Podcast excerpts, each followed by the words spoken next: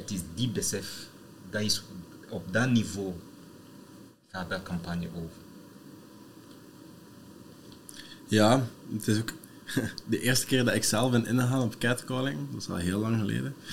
Maar dat is, eh, ik was 16 jaar en we liepen op de dijk in Oostende. En zo twee, eh, twee jonge hasjes, dat ik later heb leren kennen toen ik ben met thai-boksen.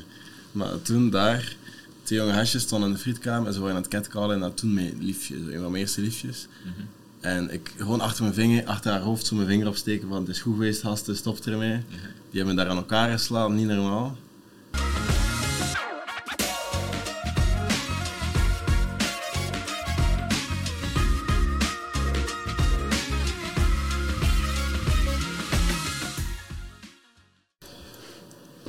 Voilà, welkom. Welkom op de podcast. Dankjewel.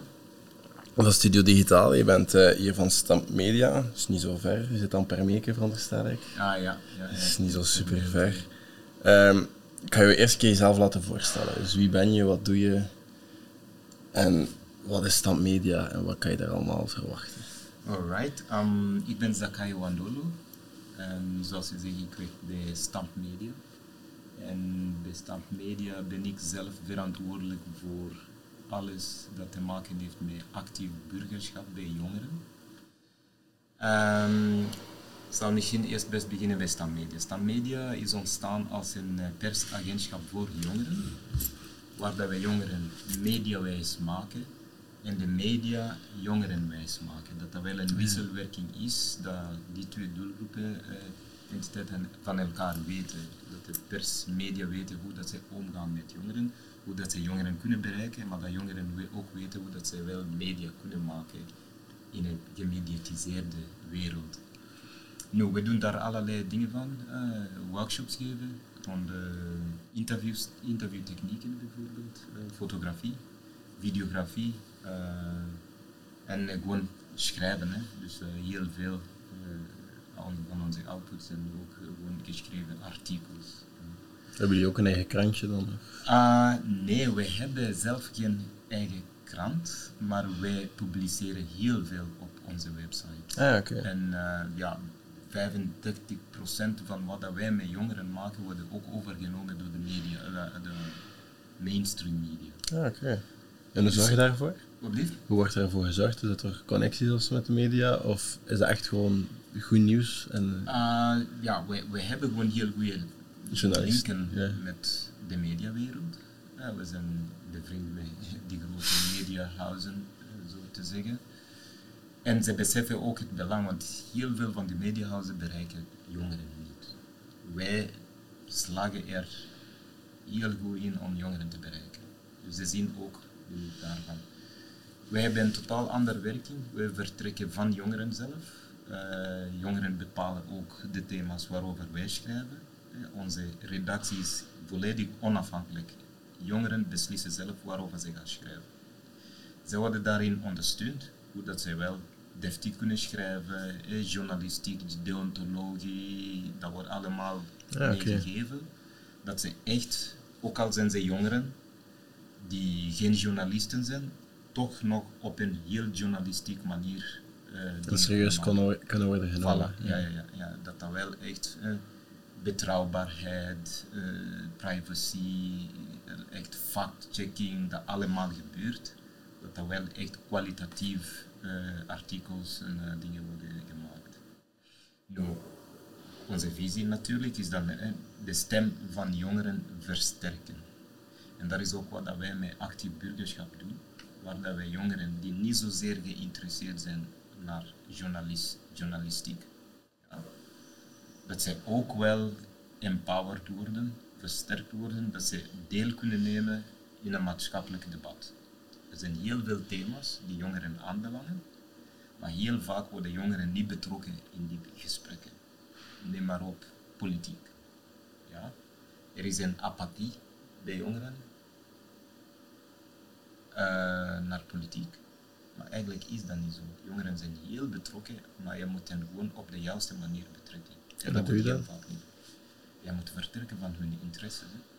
Van wat dat aan hen belangrijk vinden. Je manier van werken moet niet de traditionele manier van werken. Het moet, we zijn anno 2, 3.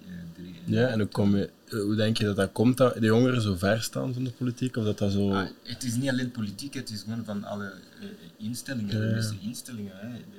Het betrekt jongeren niet. er worden van bovenuit dingen beslist en we moeten gewoon naar meedoen. Maar de, jonge, de jeugd van tegenwoordig die willen ook gewoon zelf creëren, meecreëren. En als je vertrekt van dat co-creatieve perspectief, dan ga je heel veel bereiken met jongeren. Dan ga je heel veel met jongeren kunnen doen. Want dan vertrek je wel van hun interesses, van hun kunnen en competenties en dan, dan, dan marcheert het wel. Ja, dat is wel interessant. Ja, ik snap, ik snap wel als je zo zegt dat, dat jongeren empathie hebben voor de politiek. Misschien inderdaad dat niet waar is, omdat iedereen heeft wel zo'n politiek standpunt en iedereen heeft wel zoiets waar ze voor willen vechten en waar ze interesse in hebben. En dat ze iets zeggen van sorry, daar... Want ik kreeg nu bijvoorbeeld voor, eh, ze gaan hier een magazine in de studio, Humans of the Studio. En ik kreeg de vraag van waar wil jij dan echt de straat voorop gaan? En iedere jongen heeft daar iets meegemaakt. Voor mij persoonlijk was dat, ik, ik kom uit een heel moeilijke jeugdsituatie. Ik heb zelf in instellingen gezeten en ik heb um, in crisisopvangnachten geslapen. En ik ben ook sommige nachten, toen ik 15, 16 was, dakloos geweest. En dan kom je telkens in crisisopvang terecht, terwijl dat er altijd bedden vrij waren. En heel dat jeugdzorgsysteem, dat, dat klopt niet zo in mijn hoofd. En dat was dan een onderwerp waar ik dan de straat voor zou opgaan. Dus ik denk dat iedereen wel iets inderdaad betrokken heeft. Ja. Dus ik denk inderdaad dat je daar wel gelijk in hebt. De betrokkenheid is er. Allee, de perceptie eigenlijk, ik moet dat wel nuanceren. Hè. Het, is die, het is niet dat jongeren apathisch zijn voor politiek. Het is gewoon dat jongeren apathisch zijn voor de manier waarop politiek wordt gedaan. Dat is mooi. Snap je? Dus dan moeten we wel, jongeren zijn zeer betrokken. Maar je moet het op hun eigen manier ook doen. Anders, ja, dan zeggen ze gewoon, laat me gewoon. Maar als je over politiek gaat praten met jongeren, dan zijn ze wel echt, ze weten waarover het gaat, ze willen wel, ze hebben ook hun mening. Ze hebben soms oplossingen, hè, wat dat ze denken dat dat een oplossing kan zijn. Maar je moet het wel gewoon anders gaan aanpakken. En dat top-down benadering, dat werkt gewoon niet meer. Dat werkt niet meer, jongeren. Zijn jongeren bezig met, met de verkiezingen die eraan komen? Of? Ja, ja, zeker. Zeker. Um, heel vaak krijg je het, het kan me niet schelen. Maar dat is ook betrokkenheid. Ja. Er is een reden waarom dat, dat niet kan schelen. jongeren zeggen dat het me niet meer kan schelen. En als je daar vanuit vertrekt, dan kom je wel tot de kern van de zaken. Snap je? Ja, dus waarmee je niet akkoord bent. Voilà. Waarom ben je niet akkoord? Waarom interesseer je? Waarom zeg je dat dat mij niet kan schelen? Nee. Dan kom je wel tot de kern van de zaken. Dus eigenlijk, jongeren zijn betrokken, alleen niet op de manier waarop dat aan politiek gedaan wordt. Of hoe dat de bepaalde instellingen wel aan de slag gaan. En wat was het nu weer precies dat jij doet binnen Standmedia? Dus ik, uh, ik ben de coördinator, uh, de trekker van de burgerschap Luik binnen Standmedia. En dat wil zeggen dat wij gewoon, ja, ik ben constant aan het zoeken naar wat leeft bij jongeren. welke thema is op dat moment echt levendig. En ga ik gesprek met jongeren aan. Zo van, kijk, rond die thema. En dan kiezen we een thema en daar rond gaan we dan een traject opbouwen. Vertrekken van jongeren. Daarom dat we eigenlijk daarin slagen om jongeren te bereiken. Dus wat wil dat zeggen? Bijvoorbeeld, uh, om, concreet, om het concreter te maken. We hebben een traject gehad rond uh, representativiteit van zwarte mensen in de media. Ja. In Vlaanderen. Ja, dat is bijna onbestand. Mhm. Er zijn heel veel zwarte mensen. De Sub-Saharaanse gemeenschap is in Vlaanderen heel groot. Maar in de media zie je dat zie je niet. En dus, ja, jongeren waren heel gefrustreerd daar rond. Dat was ook tijd waar dat heel vlak na de Black Lives Matter ah, beweging. Dus dat was, was al opgewakkerd. Voilà, ja. voilà. Dus mensen waren zo van, kijk, hoe, zal, hoe hoe kan dat? Hè? Al die dingen die gebeuren, waar dat zwarte mensen mee te maken hebben, die worden nergens besproken, die komen niet in de media. Maar als er wel mensen van die gemeenschap ook in de media actief waren, dan zou die topics wel aan bod komen, dan zou die doelgroep ook aan bod komen.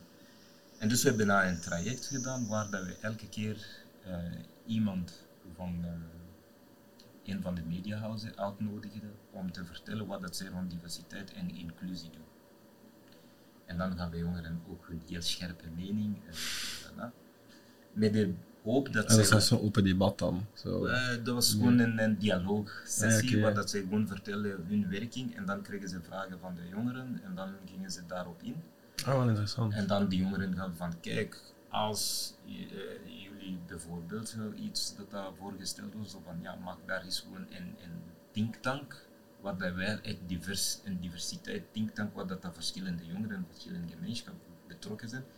En als jullie daar iets mee willen doen, dat jullie, jullie zijn op dat moment al dicht bij die specifieke doelgroep. Maar ja, dat zijn dingen waar dat, zo werkt de media niet.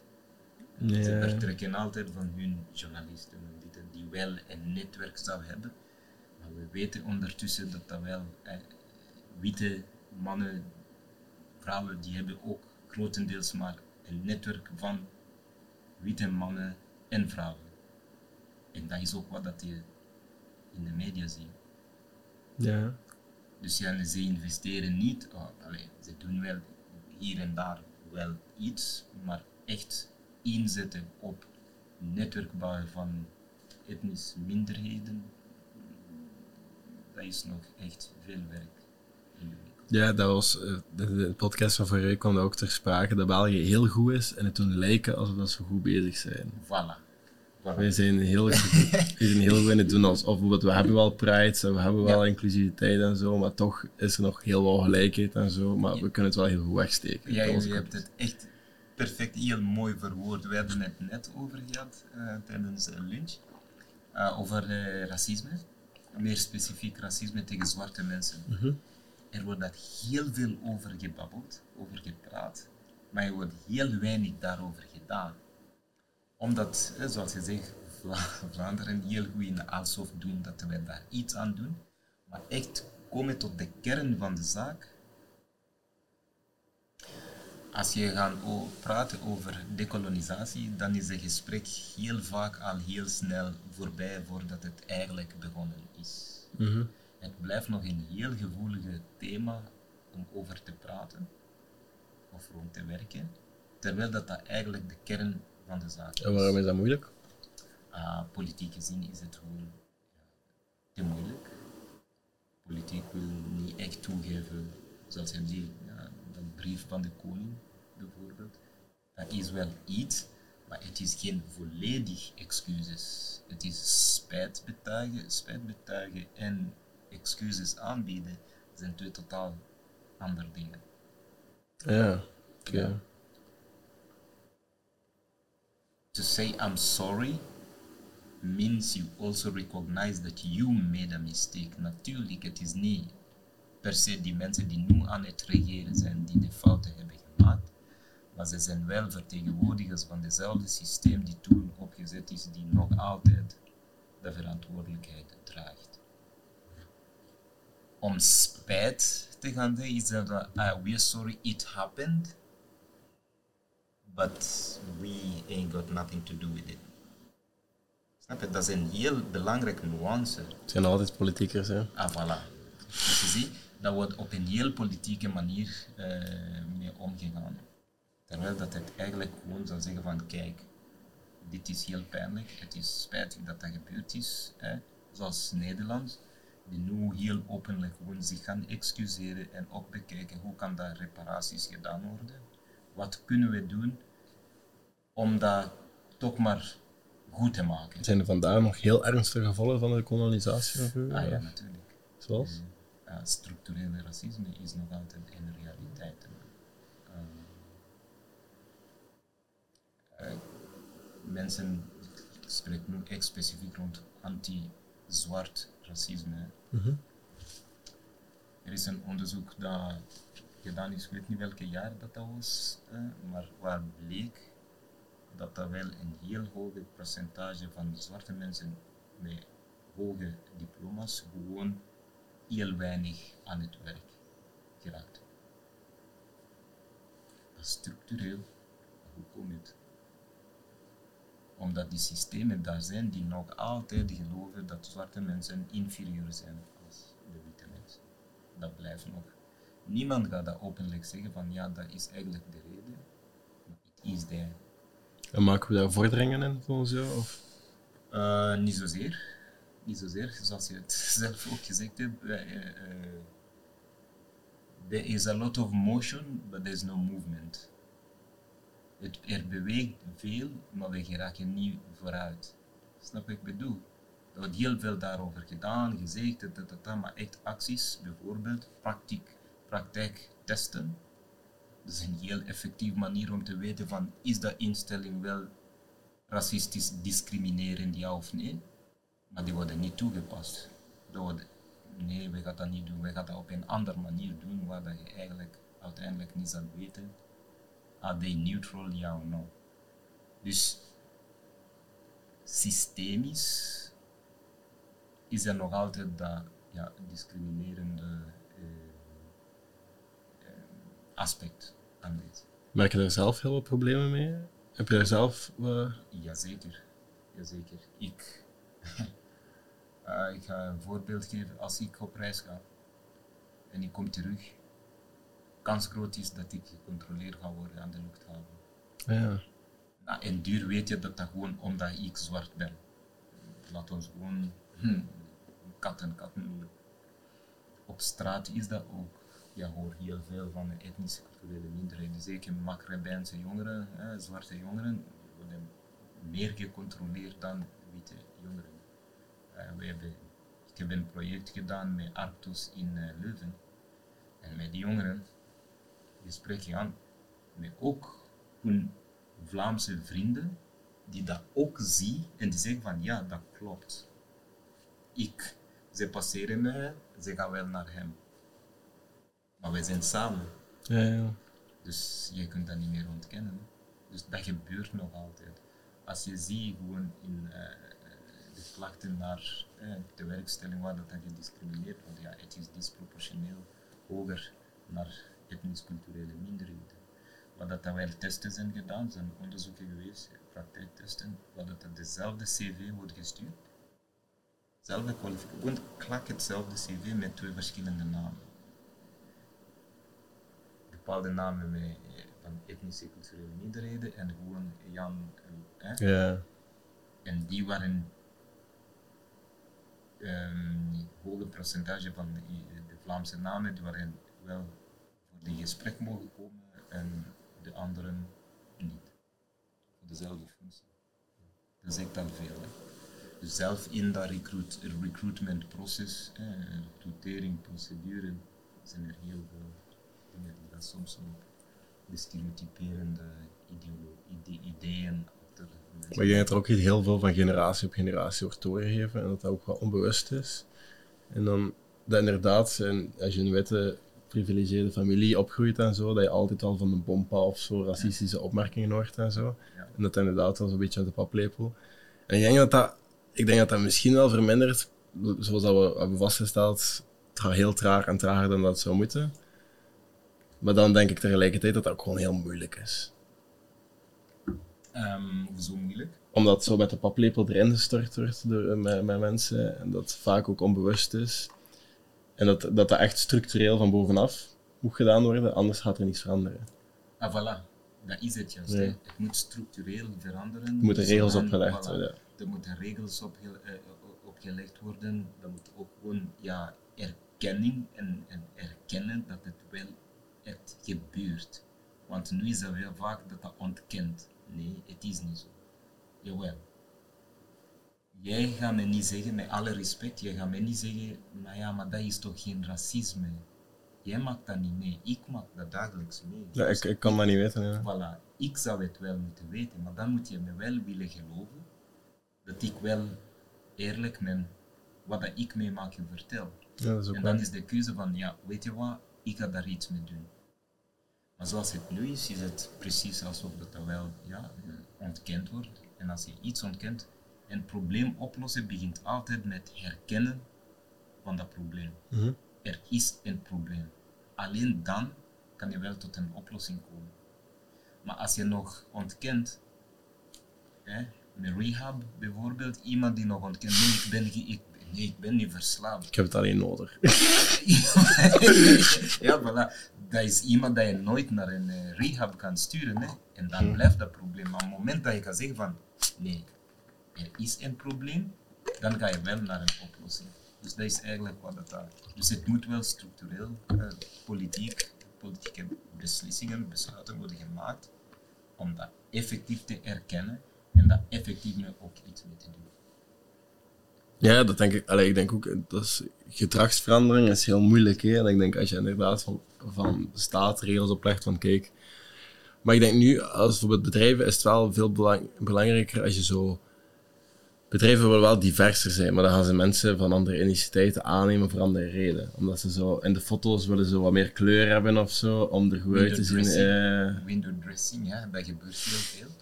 En dat is het juist, hè, niet echt komen tot de kern van de zaken. Dus van, oké, nu maatschappij is kritisch geworden.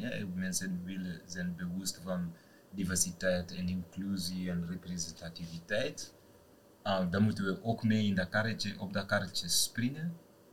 Maar niet echt tot de kern van de zaak komen maar, ja, maar waarom is het zo? En waarom moet het veranderen? Waar moeten we echt gaan veranderen om echt representatief te zijn?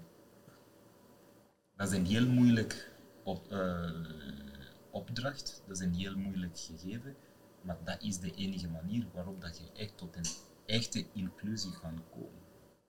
Maar is het ook niet dat die, bijvoorbeeld de mensen die gediscrimineerd worden of door racisme te maken hebben, dat die ook veel minder gaan solliciteren door die reden? Dat die zo minder gaan stappen naar Vlaamse bedrijven? Of? ja, als je dat zo vaak hebt meegemaakt, Ja. dan uh, heel veel mensen zijn gefrustreerd. Ik, spreek nu, allee, ik, het is niet dat ik namens Je- ja, je kan alleen voor jezelf spreken. hè. Maar gewoon, ik kan voor mezelf spreken, maar ook wat dat ik hoor binnen mijn vriendenkring, hè, van mijn, mijn eh, Sub-Saharaanse netwerk. Ja, er zijn heel veel frustraties, maar uiteindelijk moet je gaan werken. Dus wat doe je? Je gaat gewoon werken, maar zie je verloop van die doelgroep is ook soms in bepaalde sectoren heel hoog is. Je wordt constant geconfronteerd met die eh, discriminerende gedragen, gesprekken, opmerkingen, behandeling, waardoor dat je gewoon ik heb daar genoeg van, ook Ja. naar een ander job. En dan ook terug opnieuw. Op een duur ja, ben je wel echt zeer gefrustreerd. En ik merk gewoon, aan the end of the day, je moet je, je, moet je rekeningen wel moeten betalen. Dus Ja. mensen leggen zich daarbij neer. Van ja, weet je wat, je kunt daar toch niks aan veranderen. Ik zal gewoon mijn job doen. Maar met allerlei gevolgen van die. mentaal, psychologisch en noem Mhm. maar op. Dus ja, dat, is, dat, dat gebeurt wel meer dan het eigenlijk uh, daarover gebabbeld. Ja. Ah, ja, dus daarom denk ik dat dat een, een groter probleem is. En dat, dat zo inderdaad, want enerzijds heb je die bedrijven die dan wat inclusiever willen zijn. Anderzijds heb je dan minder sollicitaties omdat bedrijven minder exclusief zijn dan dat ze willen toegeven. En dan heb je zo, allee, het is van beide kanten Ja. een, een moeilijkheid. Ja, je hebt, je hebt dat, dat, dat, dat rond de- die eh, bedrijven die expliciet vroegen naar BBB. Blauw, blauw, ik weet niet wat. Ja, dat ze echt gewoon vroegen naar ehm witte. Ja, blanke- Ja, ja, ja. Ja, oké. Oh. Bl- Blue, blank, Belge of zoiets. Dat was het. Ja, BBB, ik weet dat nog. Maar dat is er nog, hè. ja ik Dus ben er ik- zeker ik van. kan ja. me voor, ik, wij horen dat niet meer, maar ik kan me voorstellen dat er nog altijd mensen zijn die Ja, in Antwerpen ik ben ik er zeker van dat dat wel gezegd is. Weer die bruin mannen of zo. Allee, ja. Aan de andere kant moeten we ook toe- toegeven, omwille van dat eh, bewustwording rond diversiteit en inclusie, zijn er wel bedrijven, organisaties die oprecht, mag ook gezegd worden, die oprecht echt inzetten op diversiteit. Ja, ik denk, ik denk dat dat soms niet het probleem van willen is hoor. Dat gewoon hoe, of dat gewoon moeilijk is Ja, inderdaad. voilà. Ja. Ja, het is moeilijk, het is, we moeten daar ook niet flauw over doen. Het is niet gemakkelijk, want je stelt echt de werking van je hele organisatie in vraag. Ja. En dat kan, soms kan dat wel wringen. En de cultuurverschillen. en Voilà, zo, ja. ja. voilà. De, de organisatiecultuur ook veranderen en dit en dat, dat is niet altijd even evident. Eens dat je daarover bent, dan heeft het heel veel voordelen. Want dan, als bedrijf bijvoorbeeld, als een, een, business, dan bereik, je wel ook een, bepaalde doelgroep waar dat je daarvoor niet bereikt had. Niet vergeten, de diversiteit, het is niet, het is niet meer een minderheid. In, eh, eh, etniciteit is niet meer een minderheid in de stad, zoals in Antwerpen. Meer dan 51, meer dan 50 procent zijn etnisch-culturele minderheden. Is dat? Quote-unquote, Ja, ja. Ah, ik niet. Dus het is geen, minderheid meer. En als we dat louter gewoon eh, vanuit een economisch eh, oogpunt moeten bekijken, ja, dat is een markt. En dan moet jij je gaan vraag stellen van, ja, hoe ga ik die marktsegment wel bereiken? Want ze werken meer en meer hoog opgeleid, meer en meer ook hoogverdieners, dus ja, middenklasse. Het is gewoon een, een, een, een gegeven dat rekening mee gehouden moet worden.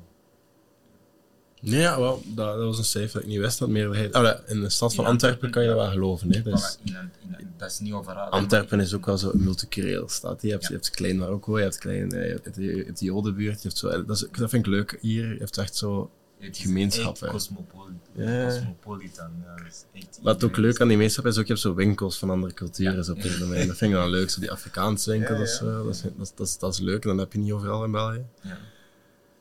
Maar je zegt dan dat je, dat je gaat... straks zei je dan dat je gaat op zoek gaan naar wat er speelt bij de jongeren. Hoe doe je dat dan? Ah, ik, ehm, dat is ook in mijn professionele carrière. Ik ben al van 2008 een jeugdwerker, waar ik eerst bij Formaat ben begonnen eh, om de diversiteitswerking daarvan op te zetten. En daarin gingen wij meer de jeugdhuizen voor en door etnische culturele minderheden ondersteunen. Ik heb ook lang actief geweest binnen de eh, werkgroep diversiteit van de ambassade en ook van de Vlaamse Jeugdraad, waar wij gingen zien, eh, we bespraken hoe dat de Vlaamse jeugdwerksector divers kon worden. En niet zozeer die organisaties die actief zijn in die sector divers, intern divers eh, zouden zijn. Want op dat moment wordt dat daarop ingezet. Dat die organisaties ook ehm ander, alleen jongeren van een etnische culturele achtergrond zouden bereiken. Ja. Maar dat werkte niet. Omdat dat gewoon, ja, points of interest zijn totaal anders. Die activiteiten die trekken die jongeren niet. Maar dat wordt nog moeite gedaan om het te, dat mag blijven. Hè. Sommige jongeren vonden dat wel leuk en die sluiten aan. Maar de grote deel bleef eh, niet bereikt.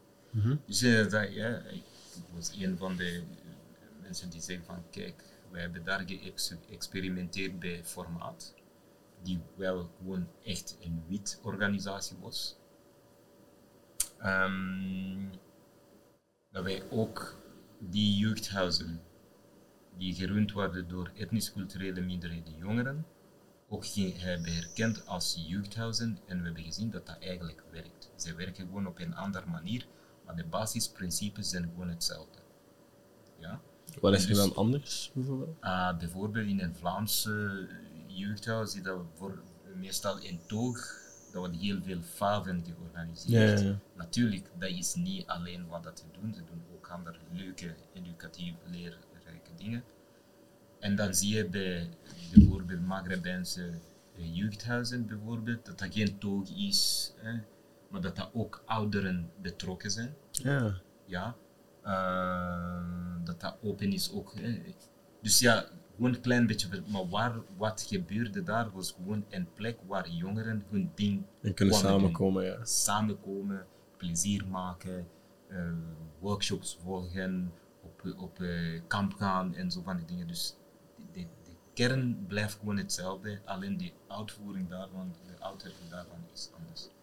Dus we hadden daarmee geëxperimenteerd en zeiden van, eh, het is perfect mogelijk. En dus hebben wij, allee, heb ik, die agenda, op de werkgroep diversiteit gezet om te zeggen van eigenlijk het is de sector die divers moet worden. Andere organisaties moeten ook erkend worden omdat zij een ander doelgroep bereiken die de klassieke jeugdwerkorganisaties niet bereiken. Snap je? Dus diversiteit op structureel niveau en niet zozeer intern als organisatie. En dus vandaar heb ik wel een, ja, hoe dat ik jongeren wel bereikt. ja. En dat is wat ik nu doe. Dus ik heb wel mijn netwerk waar dat ik jongeren bereik, hoe dat ik jongeren bereik en uh, gewoon daarmee gesprekken gaan. En, zo vang ik ook wat dat dan leeft. Maar ik heb ook een netwerk van jeugdwerkers, dat ik nog wel zo. En zo kom ik op thema's dat leeft bij jongeren en ja, ga ik daarmee aan de slag. Aan de kant is er ook onze redactiewerking uh, binnen Stam Media, waar dat jongeren ook met heel veel thema's aan bod komen. En soms is dat zo van, ah ja, dat is wel heel interessant. dat is heel actueel, daar gaan we mee aan de slag. Ja, zo. en nu op dit moment ben je bezig met catcalling. Voilà, dus catcalling is ook zoiets wat dat daar eh, heel vaak aan bod komt. Jongeren op weg naar stammedia of van stammedia, maar gewoon ook op straat zien en, en bij Straatintimidatie is gewoon ja, iets van alle tijden. Mm -hmm. Nu nog steeds. Het gebeurt heel veel, meer dan we eigenlijk als persoon zie, maar als je daar goed oplet, het gebeurt heel veel. Als je dan met meisjes gaat praten, dan hoor je. Iedereen dan heeft besef je pas, ja. Dan bes- besef je pas hoe, um, hoe vaak dat, dat gebeurt, hoeveel dat, dat gebeurt, hoe erg dat, dat eigenlijk is. En dus ja, vandaar dat ik dacht van, ah, dan zouden we iets moeten, moeten doen. Want zoals ik zeg, het gebeurt elke dag, soms bij dezelfde meisje meermaals per dag. Ja, ja. Soms meermaals per dag, elke dag van de week op weg naar, naar en van school, of van naar het werk. En dus dachten we, weet, weet je wat, ik ga daar een campagne rond uh, voeren. Voilà, en de campagne houdt in. Uh, het doel van de campagne is bewustzijn te creëren niet dat zozeer is bij het beste meisjes. wat je kan doen nu, denk ik. Ja. Ja, ja, voilà. Dus uh, meer, meer, ik denk dat op dit moment gewoon bewustzijn creëren is eigenlijk de eerste stap. En niet zozeer bij meisjes, want meisjes, ja, Die weten dat. die weten dat. Die, eigenlijk, het is niet dat ze dat weten, zij maken dat mee. Elke dag. Allee, elke dagelijks, afhankelijk van waar dat ze wonen, welke straten dat, allee, straten dat ze nemen op weg naar uh, van werk, school enzovoort. Dus ze weten dat. Het gaat meer over bewustwording bij mannen. Dat is eigenlijk heel interessant in dat hele verhaal. Heel veel jongeren waar ik mee, jongens, waar ik het gesprek mee gehad heb, die weten allemaal dat dat niet oké okay is. Dus ze weten dat is nog dan. En doen ze dat zelf dat wel, of niet? Um, natuurlijk, ik heb, ik, heb, uh, ik heb maar één of twee jongens die... Ik heb dat vroeger gedaan, maar ik doe dat niet meer. Ja, natuurlijk, en dat is ook niet mijn, mijn, mijn bedoeling om zo van, ja, doe je dat zelf? Yeah. Nee, dat is niet mijn... Gewoon, weet je wat dat het is? Ja, yeah, gewoon. Dus heel veel van de jong, jongens, eigenlijk allemaal, ik heb geen jongen, jongeren aangesproken die zeggen van, ah, ik weet niet wat dat is misschien de naam, de term catcalling, ja, dat weet ik, maar als je uitlegt, uh, naroepen en dit en dat, en, ah ja, ja, ja, ik weet dat wel. En wat vind je daarvan? Nee, dat is niet oké. Okay. Maar, en dat is wat heel interessant is, het besef van wat catcalling eigenlijk met vrouwen, met meisjes doen, dat hebben ze niet. Ja, allee, mensen die ooit al hebben gecatcalled, hebben die ooit al gehad van, ah, dit heeft gewerkt, ik heb daarmee een meisje versierd? Denk het niet, denk ik. Nee, maar la, la, voilà, dat is meestal zo van, ah ja, ik ga hiermee scoren, eh, en ik weet niet wat allemaal. Ja, ik denk niet dat dat wel werkt, maar eigenlijk gewoon de negatieve gevolgen voor die meisjes, daar zijn ze niet van bewust. En wat zijn die? En Voilà, dus een van de dingen die wij in, uh, in kader van de campagne doen, uh, hebben wij ronde tafels georganiseerd. rond de tafels was gewoon een klein groepje van meisjes en jongens die samen rond dat thema gingen spreken. Ik modereerde dat. En met een, eh, ik deed dat samen met een stagiaire, Alicia. Eh, en die meisjes vertelden van wat dat ze allemaal meemaken. Alle lelijke woorden die hen toegeroepen worden als ze niet ingaan op die ja. hoer, slet, lelijk, ik weet niet wat van allemaal. En sommigen zelf agressief en dit en dat. En ze vertelde ook hoe dat ze zich voelde op dat moment. Boos, vernederd, tristig, echt gekleineerd en dit en dat en dat en dat. En je zag die jongens echt zo besef doordringen van oei, het is toch niet zo onschuldig als het lijkt. Want voor hen is dat gewoon een louter seconde wat dat ze iets doen, zonder heel goed na te denken. Maar voor de meisjes is dat iets wat dat ze dagelijks of soms wekelijks of soms meermaals per dag meemaken. Dus voor hen is het niet geen. Ja. En dan ook het besef dat dat eigenlijk, wanneer meisjes vertelden hoe dat ze de openbare ruimte overleven, hè, de, de survival tactics om zich te begeven in de openbare ruimte, bijvoorbeeld met een koptelefoon uh, wandelen, terwijl dat ze eigenlijk niet naar muziek luisteren. Gewoon om, die catcallers te laten zien van kijk, ik ben naar muziek aan het ik ga je toch niet horen. Of bellen naar iemand terwijl dat ze eigenlijk niemand aan de andere kant van de telefoon is. Of gewoon de hele tijd stappen met de kop naar beneden. Gewoon niet rondom kijken, gewoon naar beneden kijken en zo stappen. Dat ze gewoon geen oogcontact hebben met mensen die gewoon hen langdurig blijven aanstaren en van allerlei gezichtstrekjes doen en van allerlei vulgair eh, dingen doen. Of eh, die gewoon eh, een sleutel zo om te laten zien, ik ben bijna thuis. Allee, zo van die dingen hè, dat ze doen, of, of gewoon een, een totaal ander weg nemen, een omweg, gewoon om bepaalde plekken te vermijden waar dat, dat heel vaak gecatcalled wordt. Of zich aankleden en dan toch gaan denken van oei, is dat niet te strak, is dat niet te kort, is dat niet te bloot, is dat niet... Ja. Dat ze toch zich gaan moeten omkleden. Of gewoon ja, vragen van kijk, gaan we samen? Zodat ik niet alleen mag, mag zijn. Allee, van allerlei tactieken om gewoon zich veiliger te kunnen voelen. Tactieken die er niet nodig zouden moeten zijn. Dat zou niet nodig. Jij en ik, je staat op, je moet de trein om 9 uur nemen, je kleedt je aan, je neemt dezelfde route elke keer, elke dag je haalt je trein en je, en je denkt niet na, hoe ben ik aangekleed, wie gaat mij aanspreken daarover en dit en dat en dat, uh, moet ik een andere route pakken en dit en dat. Soms besef ik dat wel, ik heb een vriendin en die gaat bijvoorbeeld niet, want ik durf soms om 11 uur s'avonds laat nog 10 kilometer te gaan lopen. Mhm. Maar ik loop, ik loop heel donkere steegjes alleen. Voilà, je vriendin zou dat niet doen. Nee. Ah, voilà. Nee. Dus er zijn bepaalde dingen, en dat zijn de momenten waar dat jongen, jongens echt gaan beseffen van oei, ja, het is toch helemaal anders om een meisje te zijn in de openbare ruimte. Ze moeten daar allerlei dingen doen om gewoon zich eh, gemakkelijk te voelen, om zich veilig te, te, te voelen. En het komt door wat dat wij als jonge mannen, als mannen doen. Hela, merci om te luisteren. Even klein intermezzootje tussendoor. Moest je meer van ons willen horen, moest je meer van waar is Studio Digitaal allemaal mee bezig, dan kan dat zeker via afstaartje Studio Digitaal op Instagram, op TikTok en ook hier op YouTube. Moest je ook nog niet geabonneerd zijn, dan kan dat ook.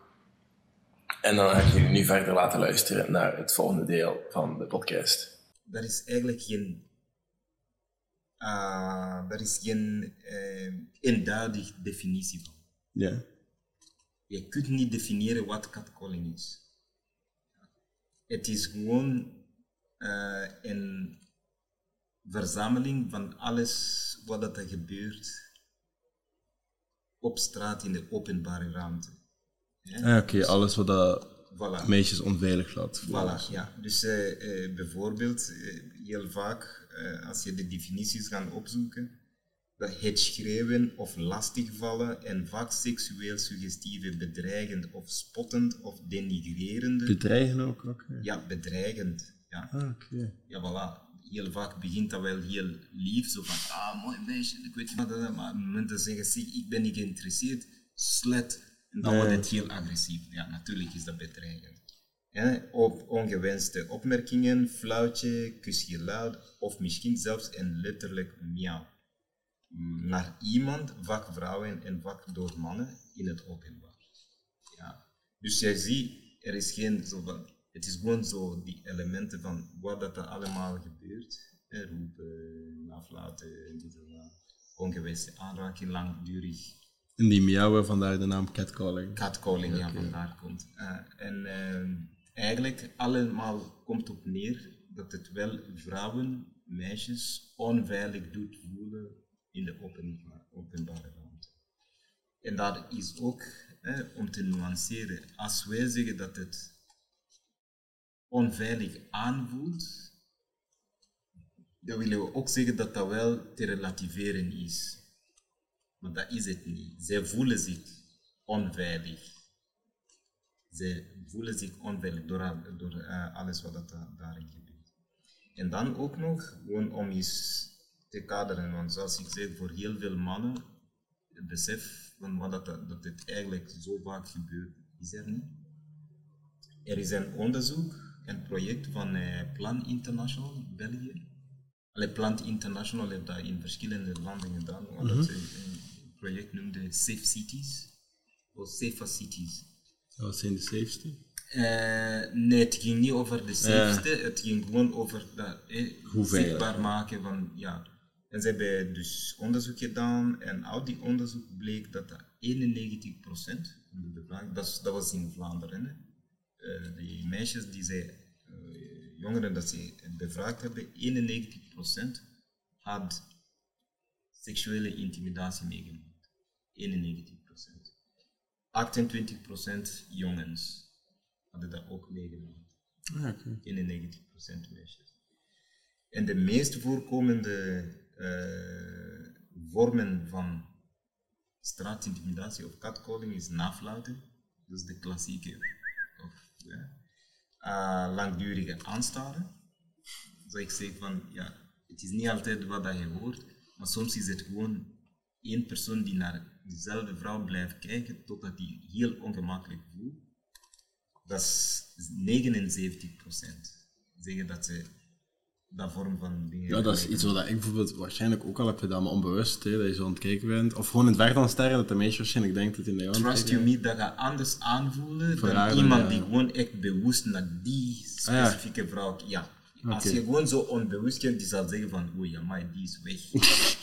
ja. dat zie je ook aan je gezicht. Ja. dan Maar heb je zo ook kijken, zo. contact. Maar als je gewoon zo naar je loopt, maar dan doe je bepaalde dingen, ja, dan weet je dat specifiek en Ja. doelbewust naar u is. Dat is het verschil. Ehm 62% zeggen dat dat wel opmerkingen over het uiterlijk. Dus ja, dik, lelijk, ik weet niet wat. Ah, oké. Echt schelden. dat- Schelden. Het kan ook eh, complementair zijn. Ja, ja. mooi poep, maar ja, dan heb je Ook wel... weer ongemakkelijkheid Voilà, is. ja. Eh, 59% gaven aan dat ze overdreven flitterig benaderd waren. En Het is, ja, dat zeggen die meisjes eh, van de ronde tafels ook. Ja, het voelt wel fijn om een compliment te geven. Amai, je bent wel mooi, of amai, goed gekleed en dit en dat. Maar dat is enough. Als het woord blijft van, en, en echt aandringerig, ja, dan is het niet meer een, een compliment, dan is het wel lastig. En dan eh, ongewenste aanraking, voor 23% gaven aan dat ze gewoon eh, ja, ongewenst aangeraakt zijn geweest. Iemand die in de poep knijpt, gewoon ja. Dus ja, en ehm, 23%. ja, 23 procent Dat dat, eh, dat is veel. Hè? dat is een kwart van de bevraagden die zeggen van kijk, gewoon zomaar. En, en dat is gewoon een man die gewoon in zijn hoofd krijgt zo van ja, ik dat gewoon aanraken. En het grote probleem is dat dat catcalling of gewoon straatintimidatie, seksuele intimidatie in het algemeen, nog een heel groot taboe blijft. Dat mensen daar niet over praten. 48% van de bevraagden die gaven gewoon dat zij bij de vrienden, echt de onmiddellijke vriendenkring, dat ze daarover gaan ventileren. Ik heb dat meegemaakt. 27% bij de familie. Ja. Dat zijn jongeren die vooral nog thuis wonen. Hè. Maar alleen maar 27% zal thuis ook zeggen. Ja. Dat zegt ook veel. Hè. Ja. Dat ze dat thuis zelf niet durven vertellen. Uh, hoe komt dat, denk je?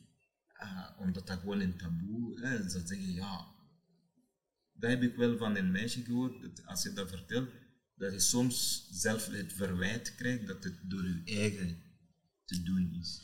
Ah. Ja, jij had je zo niet mogen aankleden. Of ja, dat heb je toch zelf gewoon gevraagd, maar met zo'n korte rok, of ik weet niet wat, en zo laat buiten zijn. Snap je? Dus soms worden ze zelf verweten dat jij dat zelf wordt gevraagd hebt. Dat, wij dat, dat je dat zelf uitgelokt hebt. Mhm. Natuurlijk, dan gaan ze dat niet meer vertellen. 7% hebben dat met een psycholoog besproken. En maar 6% hebben dat aan de politie aangifte gedaan. Nee. Maar 6%. Dus ja. Uh, ja, niet over al die dingen zo zou zijn, is efficiënt of effectief om naar de politie te stappen. Nu, ik vind wel, als, als ze seksueel geïntimideerd worden, de een vierde, 25% effectief met aanrakingen last heeft. Maar ik veronderstel dat er heel veel ook in het uitgaan zijn, en dat is moeilijk, en dat is dichte ruimte. En, ja. dus... dus het is gewoon iets wat dat daar zo repressief, politioneel, niet veel. Het is goed dat je dat wel kan gaan melden, maar of dat het werkt, ik twijfel dan er wordt gezegd, ik had ergens gelezen, dat er maar één persoon veroordeeld is van straatintimidatie. Ja. Dat wet is van 2014. Ja, maar dat zou je het effectief moeten affilmen. Voilà. Dus je moet echt, de bewijslast ligt bij de slachtoffer. Ja, je moet die persoon kunnen identificeren. Liefst getuigen hebben die zeggen, ja, ja, ik heb hem gezien. Maar Theo, met die straatcamera's in Antwerpen, ze hebben overal camera's ja, ja, dan niet overal. Weet je hoeveel maanuren gewoon om die ene persoon te. Ja, dat, kost ook veel geld en dit en dat. Ja, dus het is niet. Dus eigenlijk komt het op neer meer bewustzijn daarover te creëren dan vooral omstanders die wel weten dat nog dan dat wel doen, nee, doet dat niet. Of dat ze wel die slachtoffers in, uh, in bescherming gaan nemen. En kijk, ik heb dat gezien. Probeer gewoon gerust te stellen. You're Het is die besef, dat is op dat niveau gaat dat campagne over. Ja, het is ook de eerste keer dat ik zelf ben ingegaan op catcalling, dat is al heel lang geleden. Maar dat is, uh, ik was 16 jaar en we liepen op de dijk in Oostende. En zo twee uh, twee jonge hasjes, mm dat ik later heb leren kennen toen ik ben met thai-boksen. Maar toen daar, twee jonge hasjes stonden in de frietkamer en ze waren aan het catcallen en dat toen mijn liefje, een van mijn eerste liefjes. Mhm. En ik gewoon achter mijn vinger, achter haar hoofd zo mijn vinger opsteken van het is goed geweest, hasten, stop ermee. Mm Die hebben me daar aan elkaar geslagen, niet normaal en me daar op de grond te slaan. En dan zijn die weggelopen. Ja. En dan op een bankje zat ik daar. ja. Maar ja, dus dat was de eerste keer dat je zo inhoud op catcalling en zo dingen. Dat zat van oké. Okay. Voilà. Maar dat was gewoon ik die zoiets had van je bent per systeem aan het werken, stop ermee. Als, ja. niet, ja, maar, voilà. maar dus dat, dat gebeurt heel veel. Dat gebeurt heel vaak. En, en soms, hè, dat zijn de uh, verbale uh, ja, intimidaties, hè, lastigvallen. Maar dat is ook in de openbare vervoer bijvoorbeeld. Hè. Tram, bus, trein. En dat kan je weg. Ja, je kan niet weg. En die komen zich gewoon tegen een meisje, allez, echt, of gewoon aanraken, ongevraagd, ongewenst. Ja, het, het, we zien dat niet altijd en daarom dat dat wel vanuit de mannelijke perspectief zo van, ah ja, ja, sommige meisjes die zeggen dat zelf als ik dat tegen mijn vriend zei, eh, vertel, Dan zeg je, ja, maar ja, laat die gewoon doen. Ja, dat is toch niet zo. Maar omdat wij, wij dat niet meemaken, we Ja. maken dat niet mee. Dus je kunt ook niet je voorstellen wat dat het wel met iemand doet die dat wel dagelijks meemaakt.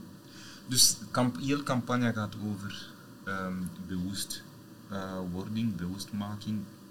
Vooral bij jongens, jonge mannen, mannen. Dat ze gewoon beseffen dat er eigenlijk catcalling is niet zo onschuldig als het lijkt. Wat kan je als man doen? Eh, Ik denk, ehm, ja, ten eerste gewoon misschien belangrijk om dat mee te geven, er is wel een wetgeving, Ja. antiseksisme eh, wetgeving, waarin ook eh, straatintimidatie strafbaar is. Ah ja, oké. Heel mooi, eh, dat dekt gewoon dat seksueel overschrijdend gedrag, Gedrag, ja. dat dekt dat heel lading, hè, dus allerlei verschillende eh, grensoverschrijdend gedrag. hè. Maar voor catcalling is dat toch wel niet efficiënt. Want Ja, wie gaat er naar de politie stappen voilà, je... voilà. Als je daarmee naar de politie gaat, je kunt die mensen niet identificeren, want ze zijn al lang weg. Ehm, ja, die, zijn er geen getuigen. Dat is dan een klacht tegen onbekenden. Ja, daar gebeurt er niks mee. hè. Of als dan om echt te doen werken, dan zou je letterlijk op elke hoek en daartussen agenten moeten. Om dat, op dat heter dat te betrappen. Op dat moment vast te stellen. Ah ja, ik heb je gezien, je hebt catcall, kom. En, maar zo, zo werkt het. En zoals dan de Dus het is daarmee- goed dat de wetgeving daar is, maar het is niet effectief, efficiënt, effectief tegen catcalling, straatintimidatie. Dus eigenlijk, het is gewoon door bewustmaking, dus echt sensibilisatiecampagnes, echt grootschalig zou moeten gebeuren, in scholen, instellingen, openbaar, overal gewoon zouden moeten gebeuren om mensen daar bewust van te maken. Als je zelf nu eh, iemand hoort catcallen op straat, zou je daar iets van zeggen? Jawel. Ja? Ik doe dat wel. Ik zeg dat wel. Ik zeg, ja, kom aan, ah, doe dat niet. Zo. En natuurlijk, sommigen die zouden wel weglachen, zo van, oh ja, ik ben betrapt. Hè, die gaat, en sommigen zullen daar, hè, ze moeien niet en dit en dat en dat. Oké. Ik weet dat ik mezelf ook kan verdedigen of beschermen en dit en dat. Ik durf dat wel zeggen, maar niet iedereen kan dat. Dus het is ook niet de bedoeling om mensen te gaan zeggen, ja, zeg daar iets over, zeg daar iets terug. Nee, jij bepaalt dat zelf. Als bijstander bepaal je dat zelf. Voel je je veilig om iets te zeggen? Zijn er andere mensen rondom u die u wel zouden kunnen steunen, stel dat het escaleert en aan de hand loopt? Als je je niet veilig voelt, ja, doe dan niks met de catcaller, ga dan naar de slachtoffer. Zo van, hé, hey, zeg, ça va, gaat het met u? Ja, maar ik denk dat dat ook wel moeilijk is. Dat als is ook jongen, moeilijk. dan, dan ben je misschien de catcaller. Ja, nee, maar als iemand dat meemaakt en zegt van, ik heb dat gezien, ik Hm? trek je dat niet aan en dit en dat. Gewoon op dat moment probeer die rustig gerust te stellen. Heel veel meisjes waar die betrokken zijn in die gesprekken zeggen van ja, dat zou mij heel veel helpen, want dan weet ik, ik sta daar niet alleen voor. Ja? Dus alleen dat is al iets. Ga je daarmee catcalling stoppen? Nee. Maar ik denk dat je eerst en vooral de openbare ruimte wel veiliger zal maken of doen voelen voor meisjes en vrouwen. Dus ik denk mee, ik denk eigenlijk, ik geloof meer in de sensibilisatiecampagne en, en ik heb het niet zozeer over de catcallers zelf. De meeste zijn lost cases. Hm? Je kunt die niet allemaal van gedachten doen veranderen. Ik denk het niet. Maar je is een beetje wel... zoals eh, de 60-plus racisten. Die, die die zijn oud en die, zijn, die gaan dat niet meer. Maar voor hen is het gewoon zo, zo, is het, zo is het altijd geweest, zo Ja. zal het ook blijven. Dus ja, heel moeilijk om van gedachten te veranderen. Maar ik heb het vooral, ik kijk me vooral naar de overgrote meerderheid van mannen die weten dat dat niet oké is, maar die niks durven zeggen of die niks zeggen. Dat ze wel iets kunnen durven zeggen En zoals ik zei, als ze zich niet veilig voelen, dat ze toch naar die slachtoffer kunnen gaan om te zeggen van kijk, ik heb dat gezien en dit en dat. You are safe. Ja, dan niks. Dus ja, het moet gewoon, ja, meer, dat gesprek moet gewoon doorgevoerd worden en vooral inzetten op uh, sensibilisatie. Wat zijn uh, nog toekomstige projecten waar je zeker aan wilt werken? Naast catcalling of meer zwarte mensen in de media? Uh, ja, ja, zeker. Um, verkiezingen is ook een thema die, zoals ik zeg in het begin, jongeren zijn wel geïnteresseerd in politiek, maar niet op de manier waarop de politiek gaat. Ze willen daar wel over praten, dus ja, ik zou heel graag, we gaan daar zelf eigenlijk iets mee doen, vanuit J100. Mm uh, dat is een platform van uh, Antwerpse jeugdwerkorganisaties, waar we rond ja, topics, thema's bespreken die jongeren aanbelangen. En één daarvan is natuurlijk politiek. Ik zou heel graag uh, spreek, uh, iets doen rond mentale welzijn. Ja. Um, ook een heel groot probleem. Um, ik zou werkloosheid bij jongeren, dakloosheid bij jongeren.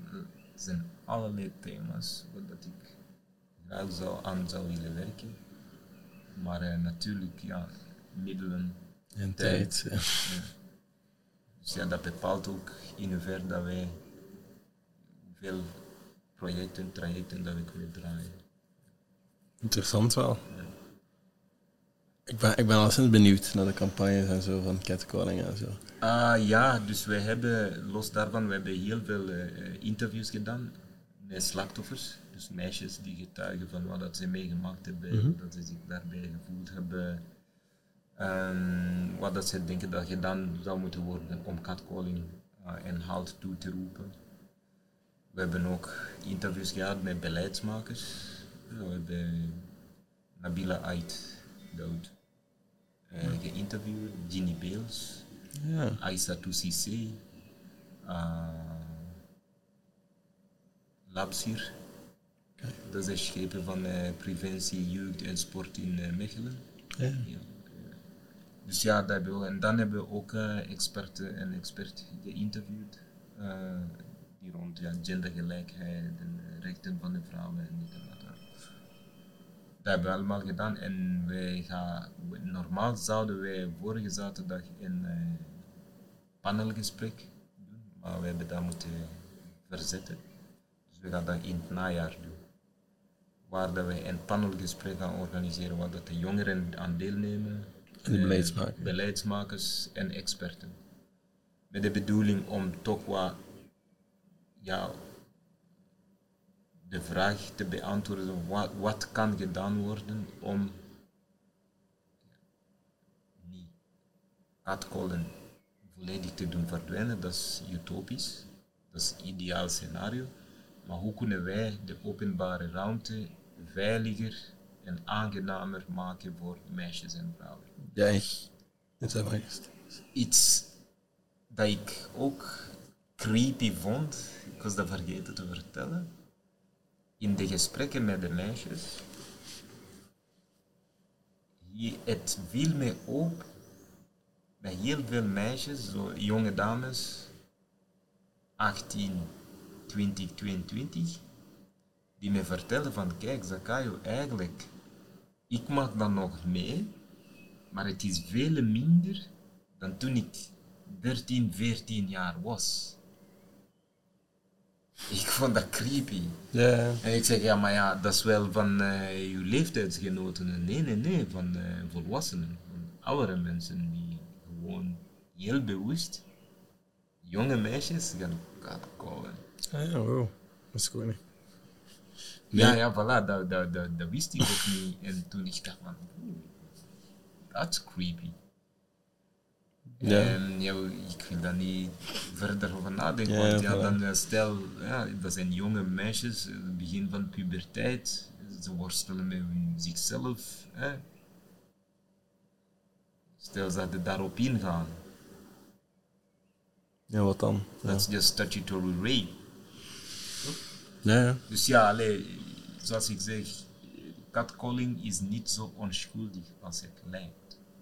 En daar is echt een punt dat wij bij die campagne proberen. Ja, die veiligheid is heel lang. Nu, in Gent hebben ze ook zoiets onlangs gedaan. Ze hebben met besparingen, dachten ze, ah, we gaan zo slim zijn en we gaan de lampen van de openbare weg, we gaan ze de straatlampen wat dimmen vanaf een bepaald uur. Ah ja, juist, ja. Om, om En ik zag dat met lopen en ik dacht, is dat nu gedimd? En ik, ik het, heeft, het heeft een paar weken geduurd voordat ik besefte dat het effectief ook lichter was. Mhm. Ook waarschijnlijk omdat ik jonger ben en daar minder last van heb. Ja.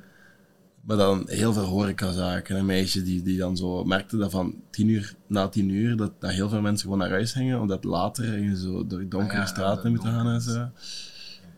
En nu zo het gemeentehuis, dat zo van, ah ja, oké, we gaan dat terugzetten. Ik hoop dat ze terugzetten, maar inderdaad, heel veel straatverlichtingen worden gedimd na een bepaald uur en zo, en dat is gewoon tien keer minder veilig. Voor u en ik, nee. Zolang dat we kunnen zien, is het oké. ja. je- oh, nu moet ik wel naar huis en je gaat ook naar huis. Ja.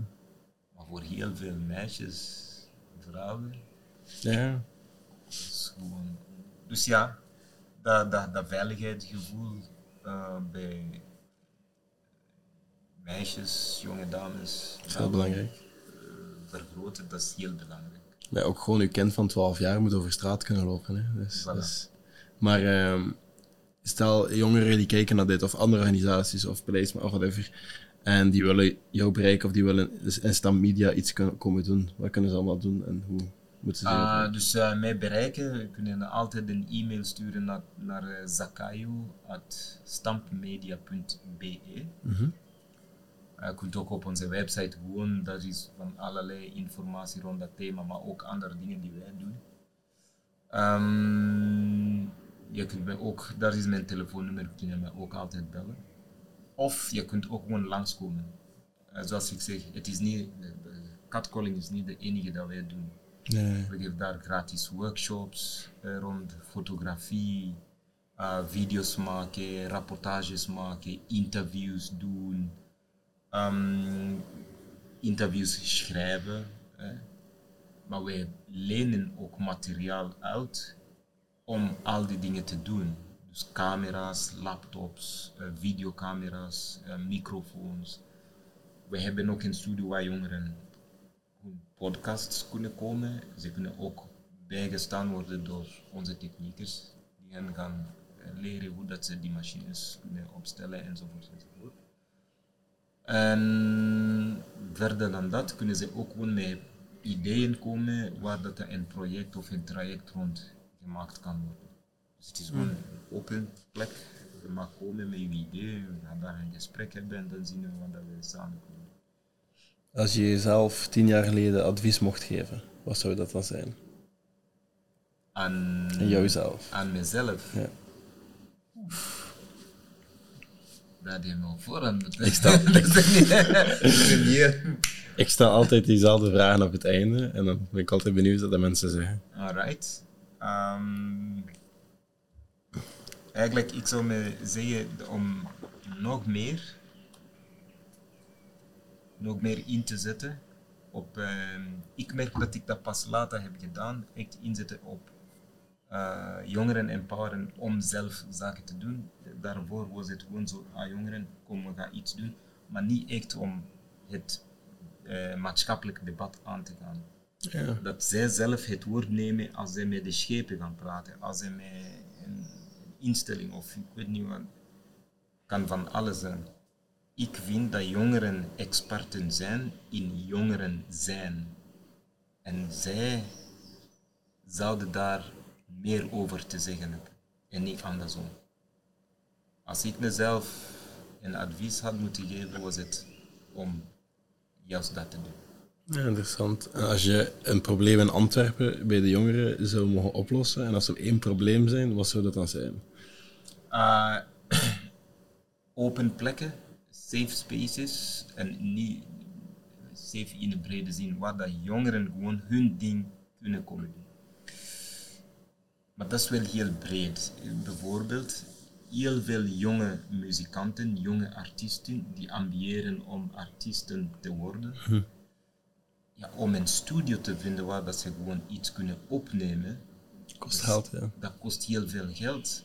Je vindt dat niet, maar voor jonge kerels, dat dat is, dat is onbetaalbaar. Als er iets is wat dat ik, ik zou gewoon echt zo'n plek willen. Ja. Twee, uh, gewoon, uh, we proberen dat met J100 te maken, maar dat is ook een intermediaire uh, platform, waar dat, de organisaties brengen jongeren samen om... Ik zou graag hebben dat dat wel een reeks, reeks dialoog of meetings, bijeenkomsten zijn tussen jongeren, jongeren en instellingen, jongeren en politiek. Jongeren, dat dat wel een reeks reeks is, dat jongeren betrokken worden. En niet zozeer ideeën worden daar boven in de Ivoortoren gemaakt. Ah ja, dat is wel een cool idee. En dan pas jongeren gaan zoeken. Nee, zeker. Maar dat dat wel van begin af van, ah ja, oké, we willen iets doen. Wat denken jullie dat gedaan wordt? Echt co-creatief van begins af. Dat zou ik wel.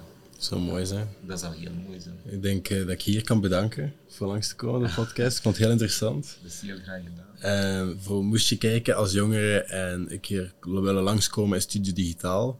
Um, iedere donderdag houden we hier beneden een open café van 3 tot 5, waar je gewoon laagdrempelig een spelletje kan komen spelen en een keer kan komen kijken wat wij doen. Wat wij precies doen, dat is echt gewoon jongeren die werkzoekend zijn, tussen 18 en 30 jaar, maar dat mag ook ouder, we zijn daar niet zo super streng in. Um, en die denken dat ze wat extra digitale vaardigheden of extra soft skills kunnen gebruiken om een job te vinden. Um, die kunnen hier workshops voor, die kunnen hier wat extra begeleiding krijgen of wat extra digitale skills leren. Al is dat marketing, of al is dat ook een beetje editing, of een beetje foto, of, echt gewoon websites leren maken. Want we hebben hier een traject eigen websites maken, waar je gewoon volledig gratis een website krijgt van ons. Je krijgt een host voor een jaar, een server, je moet daar niks voor doen, je moet daar niks voor betalen. Het enige wat je moet doen, is jezelf dedicate om dat effectief te leren, bewijzen dat je er iets aan doet, heel dat traject volgen. En als je dat hebt afgelegd, dan zetten we die website op je eigen server en dan is die volledig van u. Um, dus als je daar interesse in hebt, kom donderdag naar ons op café. Hou er wel in de gaten. In de zomer um, durft dat soms wel een beetje af te wijken. Dus bekijk onze Discord-server, waar alle jongeren samen een beetje converseren met elkaar, waar wij ook updates geven over het open café of de activiteiten of vacatures, et cetera. Dus join die Discord-server en bekijk dan voor updates. En dan um, zijn we volgende week om 5 uur, donderdag, terug met een nieuwe podcast. Merci. Ciao. Salut. Um, geworden? Uh, nee. Een iPhone, wat ik weet 14, dat, dat, voilà, dat kan lang zonder warmte